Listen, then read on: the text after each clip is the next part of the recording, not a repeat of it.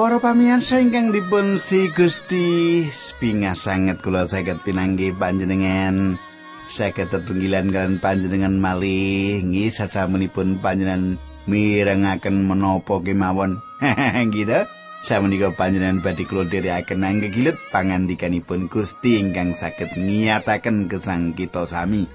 Kula pendhita pujian tansah ndongaken panjenengan supados sing titimancinipun mangke kula saged pinanggih kalian panjenengan. Nah, katang kula kados pundi panjenengan samenika menapa sampun nyawisaken wekdal kangge tetunggilan kalian kula?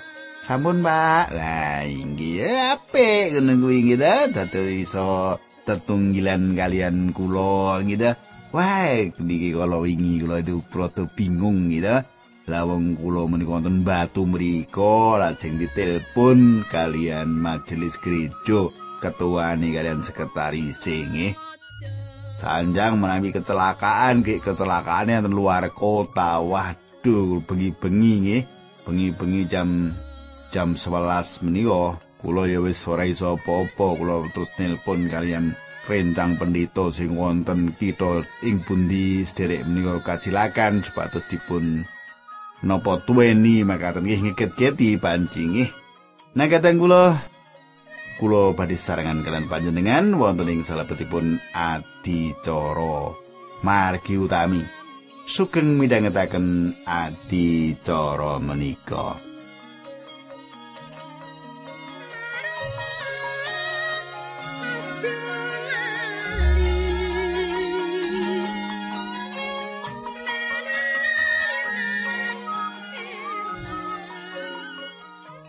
Para pamirsa ing pepanggihan kepengker kita sampun nyemak bangsa Filistin tundhonipun beto peti perjanjianipun Allah. Israel menika dateng Gad. Nanging menapa ingkang dipun tindakaken menika ndatengaken kasisahan kangge tiang-tiang kala wau. Lajeng kados pundi kelajenganipun? Kita badhe nyemak ing dinten menika nanging saderengipun menika monggo kita ndetung. Duh Kanjeng Rama ingkang adhedhampar wonten kraton ing kasuwargan kawula ngaturaken gunging panuwun menawi wekdal menika kawula saged tetunggilan saged sesarengan kalian sederek-sederek kawula. Kawula pasrahaken wonten ing asta paduka. Tuntuni kawula Gusti supados wekdal menika saestu kawula pikantuk berkah saking paduka linambaran asmanipun Gusti Yesus Kristus kawula netunggal. Amin.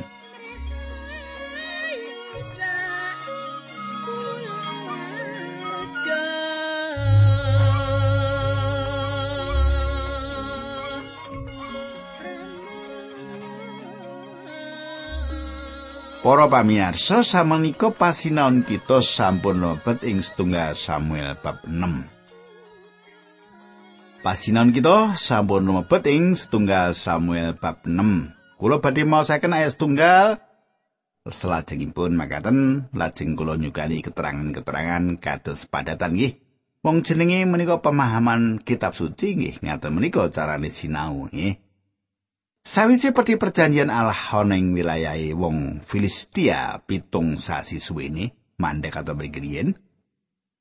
Para pamirsa, kala menapa kemawon peti perjanjian Allah menika dipun caketaken reca dagon pramila reca menika tentu badhe ambruk. Kapan kemawon kala menapa kemawon peti perjanjian Allah menika dipun caketaken dipun caketaken kalian reca dagon pramila reca menika tentu badhe ambruk Tiang-tiang ingkang manggen wonten ing kitha Gat sampun gadah pengalaman awon kegayutan kalian lelampahan kala wau. Pramila tiang-tiang kala wau mboten purun menawi pedhi perjanjian menika wonten ing mriku. Awit saking menika tiang-tiang menika ngintun pedhi perjanjian menika dhateng Ekron. Ayat kali tiga sekawan. Wong Filistin ngumpulake para imam sarta para tukang sihir banjur takon. Pedi perjanjian menika kedah kita menapaken. Menawi kita wangsulaken ing panggenanipun kita kedah ngintunaken sumbangan menapa. Wangsulane sing padha ngumpul pedi perjanjian Israel kuwi aja kok balik iki ngono wae. Nanging kudu nganggo sumbangan minangka tebusane dosamu kanthi mengkono kowe bakal padha diwarasake lan kowe bakal padha weruh ya ala Israel tansah ngukum kowe kabeh. Sumbangan menapa kemawon ingkang kedah kula aturaken pitagone wong-wong wau wangsulane para imam pletungan emas limo lan tikus emas limo padha karo cacahe raja-raja Filistin rak ya plentungan lan tikus kuwi sing gawe sengsara kita ya para kawula ya para raja. Para pamirsa, tiang Filistin gadah kekajengan mbucal tebih peti perjanjian menika nanging mboten mangertos kados pundi caranipun. Pramila tiang-tiang menika nyuwun iguh praktikal dumateng para imam lan tukang sihir lan para imam lan tukang sihir menika nyukani iguh praktikal supados menawi mangsulaken peti perjanjian mboten namung ngloho kemawon. Tiang-tiang menika kedah ngangge sarana sesausan sesausan menika piyambak nggambaraken kados menapa asoripun cara manembah tiang Filistin menika. Kathah tiang gadah pitakinan kenging menapa. Tiang Filistin menika dipun tundung saking tanah perjanjian. Gusti Allah nundung tiang Filistin menika awet Gusti Allah mirsani kados pundi kejemipun cara-cara manembah brahala tiang-tiang Filistin menika. Nah, saya menika ayat 11. Peti perjanjian mau banjur diunggahake ing gerobak, mengkono uga peti isi tikus emas lan plentungan emas. Kadang kula panjenengan gatosaken yen wekdal tiyang Filistin menika mangsulaken peti perjanjianipun Allah menika dumateng tiang Israel. Tiang-tiang Filistin menika ngunggahaken peti perjanjian Allah menika ing gerobak. Lan ing wekdal semanten boten wonten satunggalipun perkawis ingkang dumados atas tiang-tiang Filistin menika. Menapa panjenengan mangertos menapa sebabipun awit Gusti Allah mboten badhe maksa bangsa Filistin menika nanggel jawab atas tumindakipun menika. Dados benten kalian bangsa Israel. Menawi bangsa Israel beto peti perjanjian menika mboten pas, pramila patrap ingkang mboten pas atas peti perjanjian menika badhe anda tengaken paukuman kangge bangsa Israel menika. Nah, menika ayat 12, sapi-sapi mau melaku terus ngenerbet semes, karo tansah bengoh maju terus tanpa nyimpang nyiwa utawa Raja Filistin limo mau terus ngetutake nganti tekaning tapel watese Bet Semes. Para pamirsa, lelampar menika satunggalipun bukti ingkang yakinaken tiang Filistin bilih kangelan ingkang sadangunipun menika dipun sandang inggih menika awit menapa ingkang dipun tindakaken Gusti Allah. kasangsaran menika dipun sandang awit menapa ingkang dipun tindakaken Gusti Allah. Ayat 13, 18, kang 11, bab 6 setunggal Samuel. Makaten surasipun. Dek semono wong-wong ing Bet Semes lagi padha panen gandum ing tanah ngari. Bareng weruh peti perjanjian mau padha metokake karo bunga-bunga. Grubake mandek cedhak watu geding tegali Yosua wong Bet Semes. Wong-wong banjur padha nyigari blabaking gerobak mau mbeleh sapine loro kanggo kurban hubungan marang Gusti Allah. Petine perjanjian sarta petisi barang-barang mas banjur diudhunake dening wong-wong Lewi, diselahake ing sanduwuring watu gedhe mau. Sawise mengkono wong-wong Bet Semes nyaosake kurban hubungan lan kurban-kurban liyane kagem Gusti Allah. Panjenengan semak pilih bangsa Israel mboten purun nampi menapa-menapa saking tiang Filistin, temtu kemawon bangsa Israel menika kabombong atas menapa ingkang dipun tindakaken tiang-tiang Filistin menika. Ayat 16 bareng raja Filistin limo padha weruh lelakon mau banjur padha mulih menyang Ikron ing dina kuwi uga. Panjenengan katosaken tiang Filistin ningali bilih peti perjanjian Allah menika sampun dipun tampi tiang Israel. Tiang-tiang Filistin remen peti perjanjian Allah menika sampun uwal saking tanganipun. Ayat 19 nanging merga wong-wong Bet Semes padha nginguk ing sajroning peti perjanjian Allah ana wong pitung puluh ing antarané wong-wong mau padha dipateni dening Gusti Allah. Wong-wong banjur padha nlongso sebab Gusti Allah ndawake kasangsaran kang gedhe banget tumrap wong-wong mau.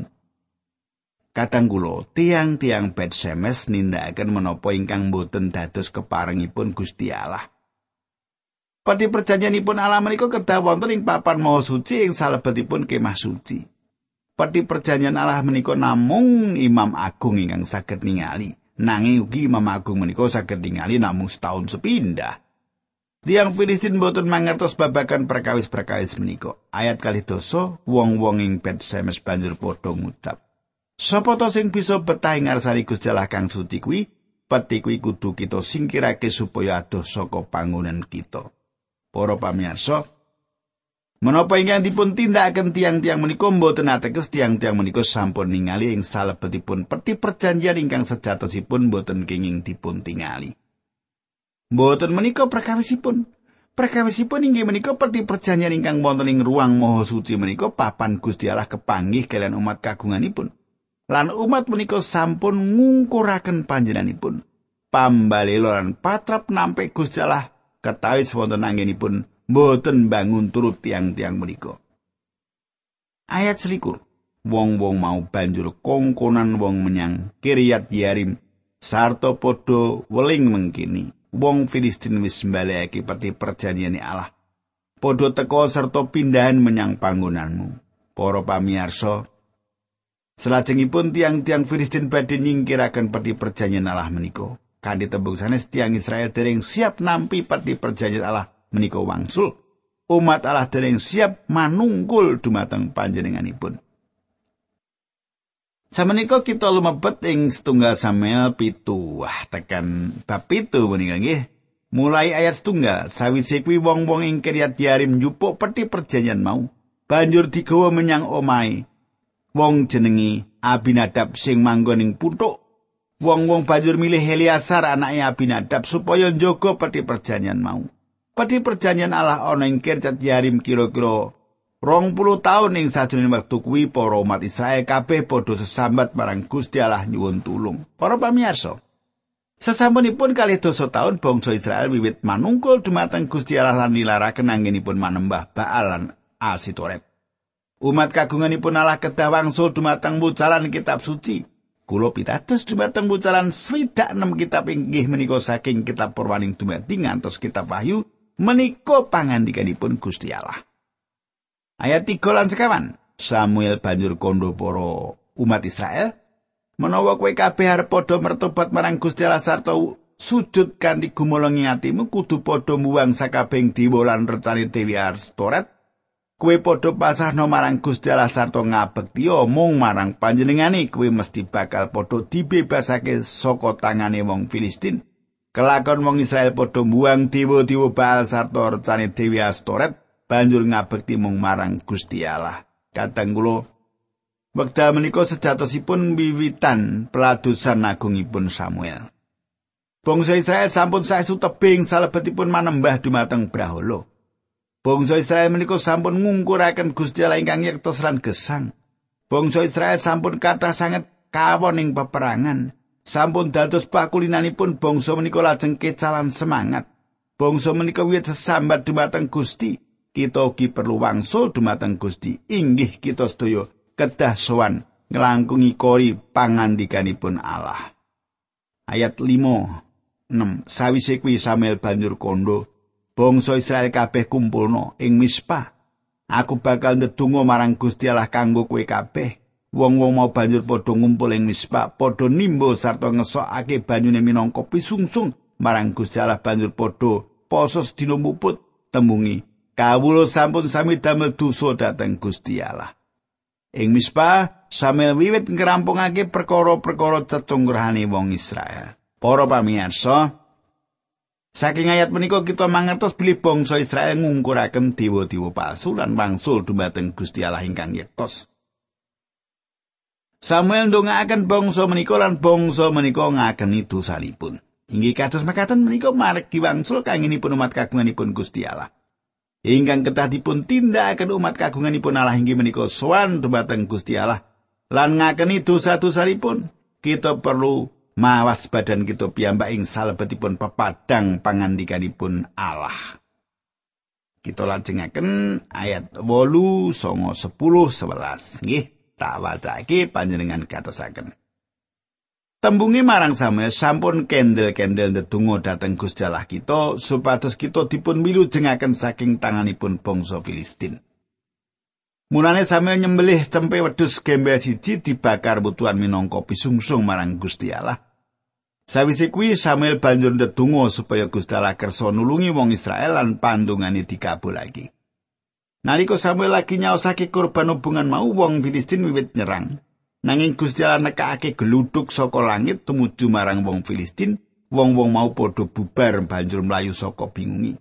Prajurit Israel metu saka Mispa banjur ngoyak wong Filistin meh tekan Betkar turut dalan mateni wong-wong mau.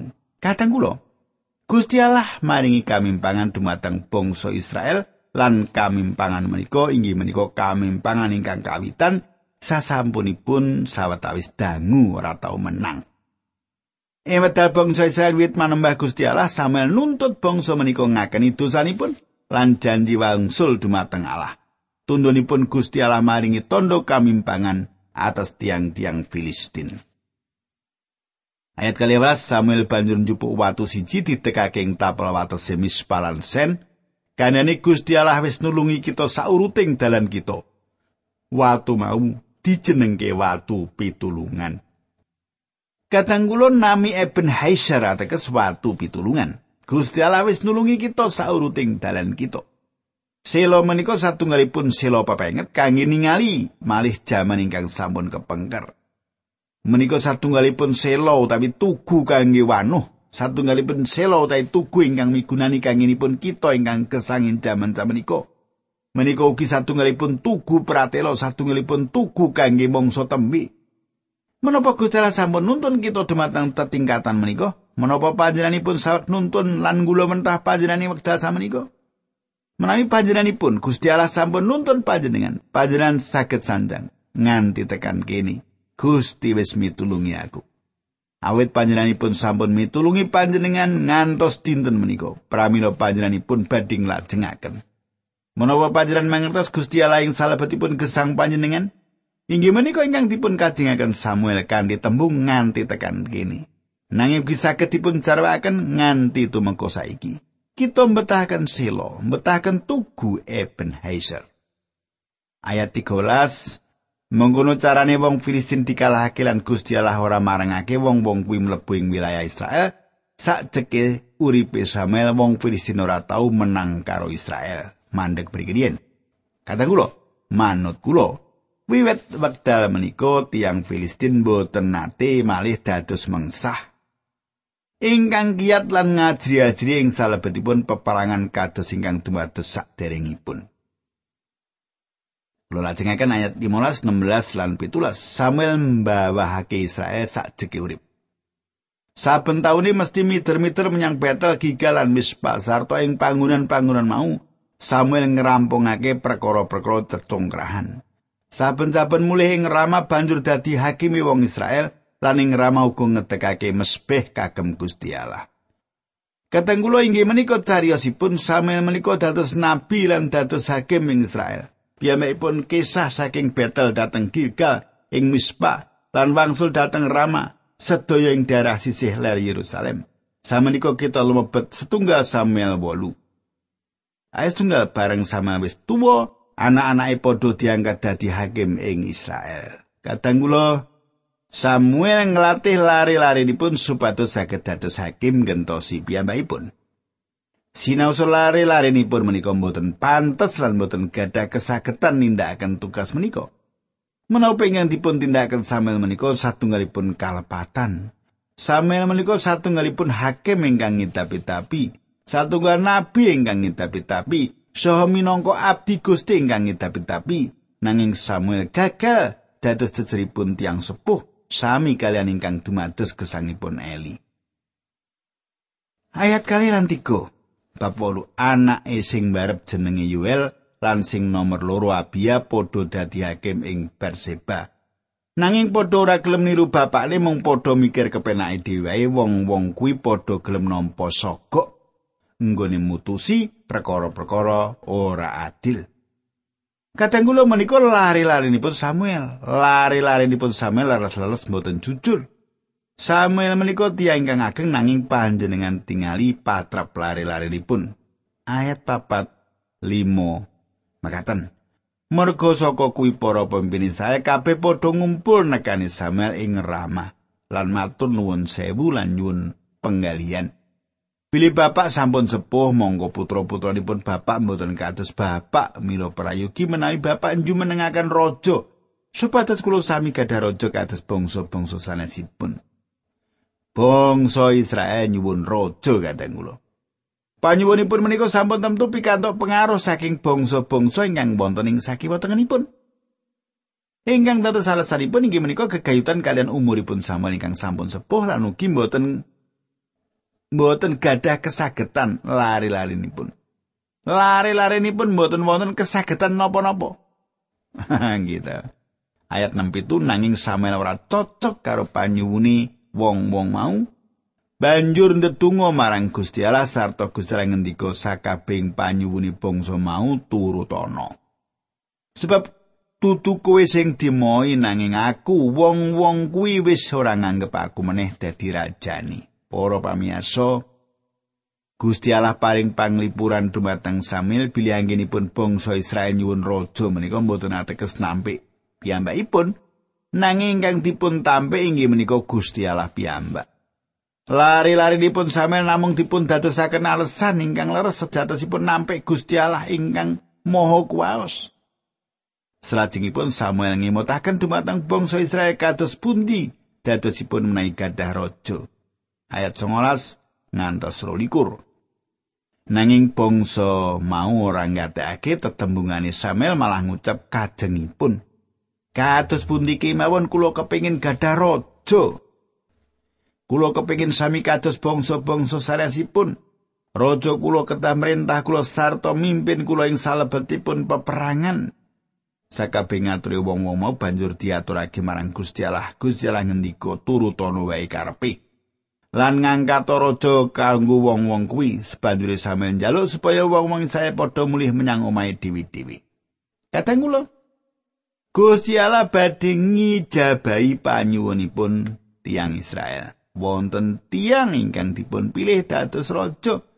Nanging raja menika mboten badhe nguntungaken kados dene ingkang badhe kita tingali. Gusti Allah mboten badhe paring pangandikan langsung Nanging Gusti ngginakaken nabi ingkang badhe nglantaraken pangandikanipun Allah dumateng raja. Raja badhe nampi pangandikan menika utawi nampik pangandikan menika sakajengipun manahipun. Raja saged nampi, saged ugi nampik pangandikan sakajeng manahipun. Nah kateng kula, kula mboten badhe lajengaken ing wanci menika. Tak delok operator niku wis kedep-kedep ngene. Niku lho wong niku kaling-kalingan kaca dados angger pun kedep-kedep niku waktune wis entek aja diteruske ora cukup. Ngaten iki. Ha yes matur nuwun lah dielingake ngene. Nah kadang kula kula lajengaken dinten candhaipun nggih saking setunggal sama urung rampung nggih lagi sithik-sithik nggih sing sabar panjenengan. Nah kadang kula sadèrèngipun kula pungkasi kula ngaturaken salam rumiyin nggih dateng Bapak Sujadi. Wah niku Pak Sujadi niku saking Cipari menika nggih. Terus pundi Pak Sujadi? Saya saya to. Nggih, Gusti berkahi panjenengan. Nek kateng kula monggo kita tumungkul. Duh kanjeng Rama ing swarga kawula ngaturaken gunging panuwun. Menawi wekdal menika kawula saged midhangetaken kayektosan pangandikan paduka. Kawula nyuwun Gusti berkahi sedherek kawula menika ingkang usaha paduka berkahi ingkang tetanen ingkang nyambut damel terus pegawe supados asma paduka kaluhurna lan sedherek kawula menika wedi asih kalian paduka. Nilambaran asmanipun Gusti Yesus Kristus kawula tunggu haleluya. Amin